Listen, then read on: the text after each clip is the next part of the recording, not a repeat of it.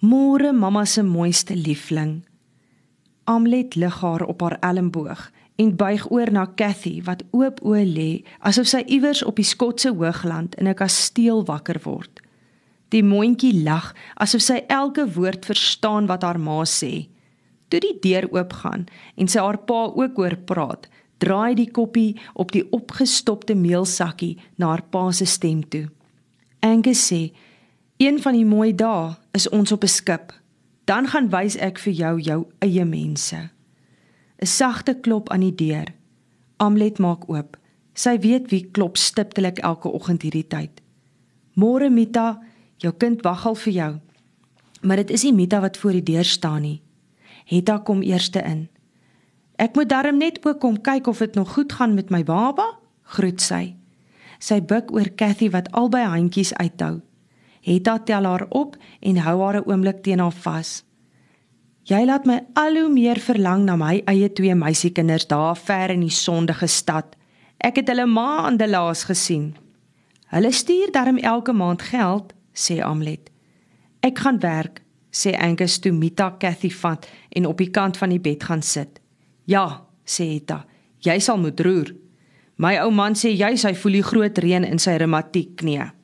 Sy probeer verduidelik wat sy in Afrikaans gesê het, maar niemand weet of hulle mekaar verstaan nie. Nogtans lag hulle lig en Angus maak die deur agter hom toe toe hy uitgaan. Die reën kom, sê Jakob toe Angus langs hom in die klim klim. Dit is drukkend warm, maar dit lyk vir hom nes gister, dink Angus. En kyk oos, maar daar is net son en niks wolke nie. Die reën kom van die ander kant af, spot Jakob. Kyk daar loer die eerste wolke al. Op die vaal vensterbank van die horison lê 'n donker streepie. Sou dit reënwolke wees? wonder Angus en skep die eerste graaf grys van die dag. Teen 2:00 die middag raak dit skielik skemer. Angus kyk op. Die wolke krul donkerder deur die lug. Die wind is om hulle asof van nêrens nie. Groot druppels plof soos klippies om hulle in die dor stof. Ons moet 'n voetjie om jou huis oopspit, waarsku Jakob. Vat die graaf en loop na die delwershuis. Hy werskaf al om die sinkmure. Toe eers verstaan Angus wat Jakob aan die doen is, maar hy bly twyfel of dit nodig is. Dit sal nog seker 'n dag of wat bewolk wees voordat die reën regtig kom. Die skemerlandskap begin spookagtig donkerder word.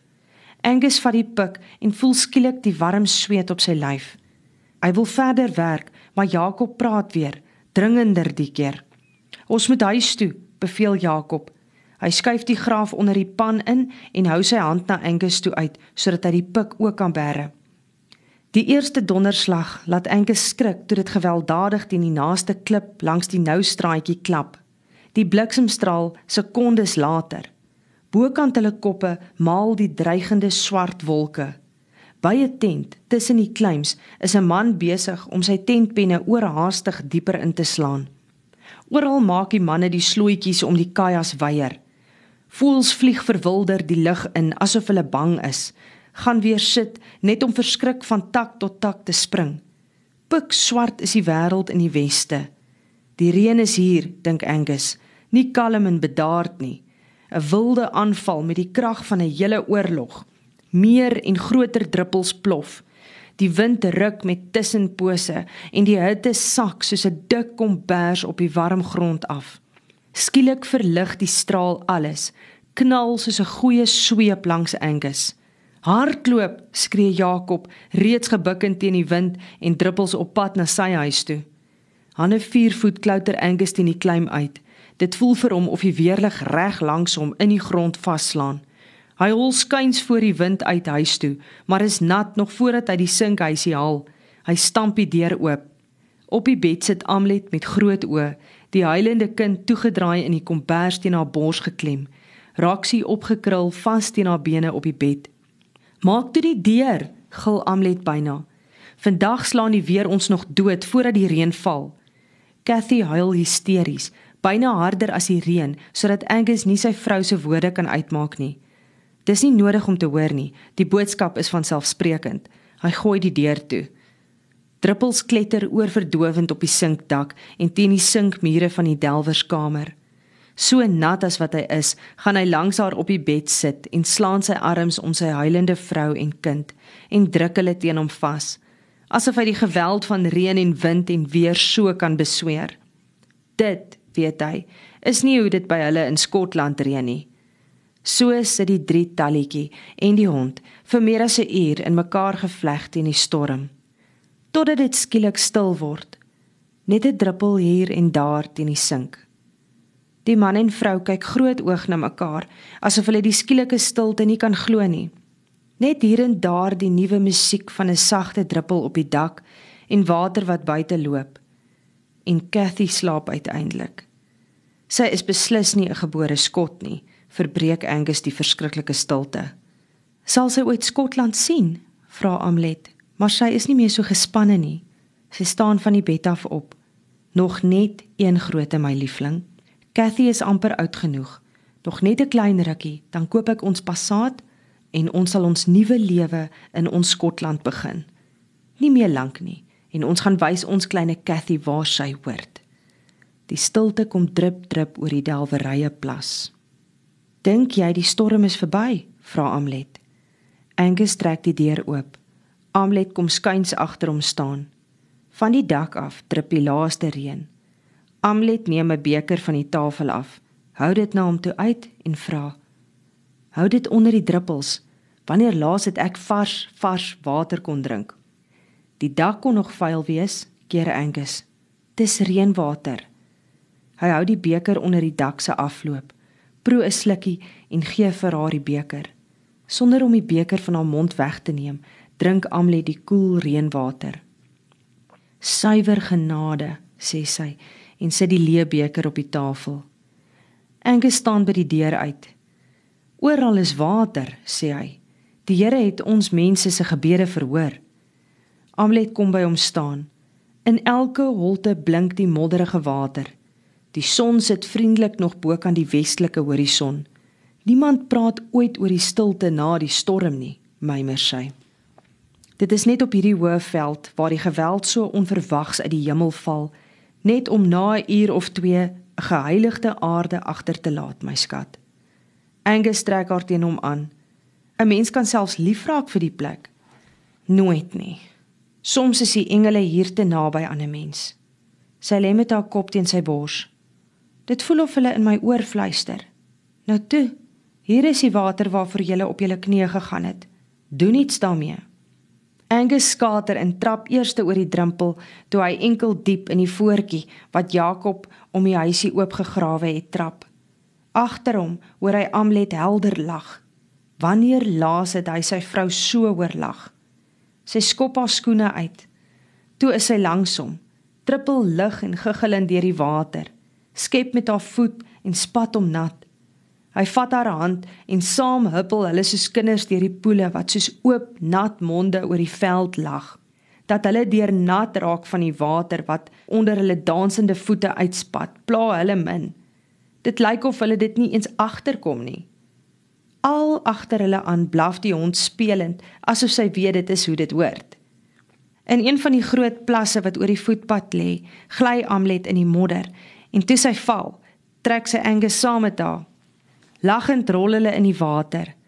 Toe hy na haar kyk, sien hy die slierte hare oor haar wang met die lang modderstreep. "Jy's mooi," sê hy. "Jy is nat," proe sy, "en die water kos ons niks." Roxy gaan plat langs hulle in die water lê. "Kom," sê Angus en trek haar aan haar hand oorent. Deur die modder loop hulle terug huis toe. Amlet skep 'n handvol water uit 'n plas, gooi haar kop agteroor en drink. Die water is vuil, waarsku hy. Jy klink soos Hetta. Dis reënwater, sê sy. Jy moet vir my 'n emmer vol kom skep. Ek wil my behoorlik skottel, van kop tot toon met water waarvoor ek nie hoef te betaal nie. Weer skep sy 'n handvol water en drink asof dit die eerste water is wat sy in haar lewe proe. Hulle strompel by die deur in.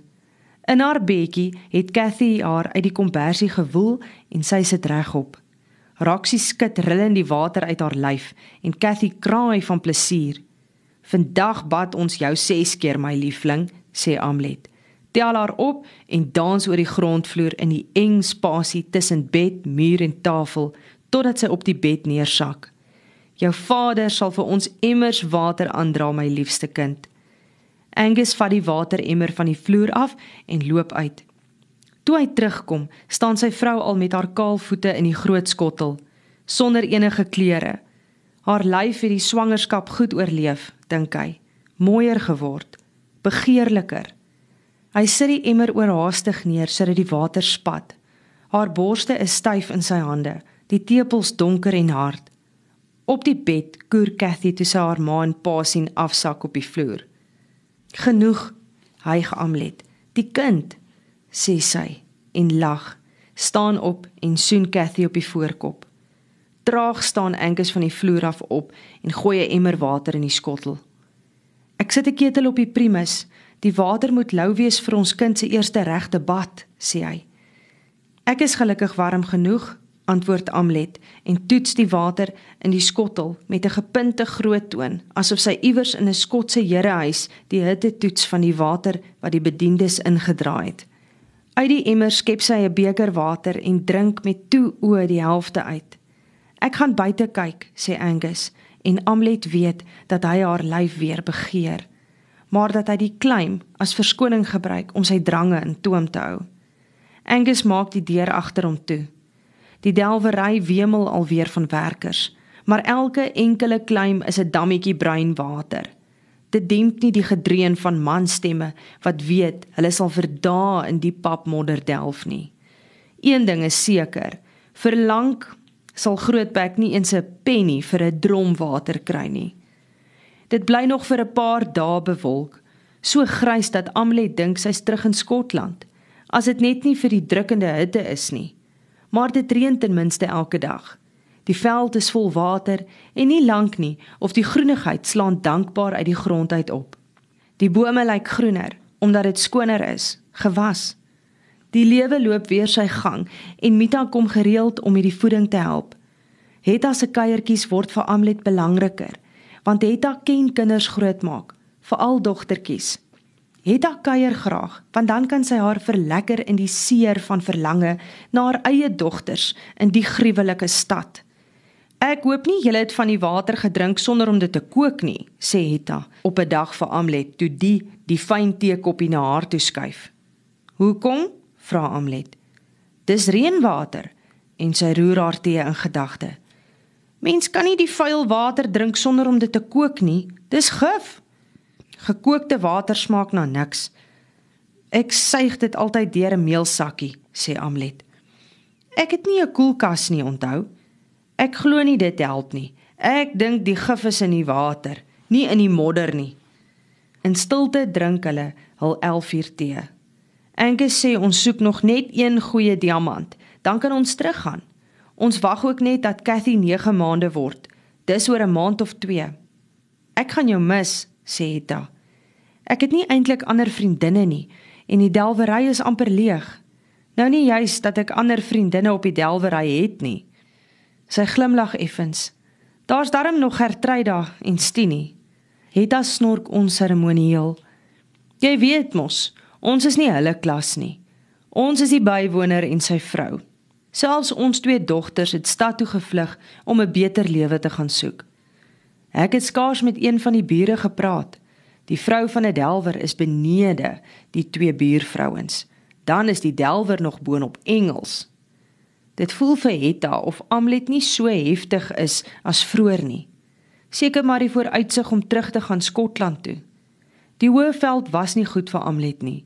Sy sê altyd sy wil nie haar kind op hierdie haai vlaktes laat groot word nie. 2 jaar op die delwery was genoeg. Vernedering is 'n wond wat nie maklik gesond word nie, sê Amlet.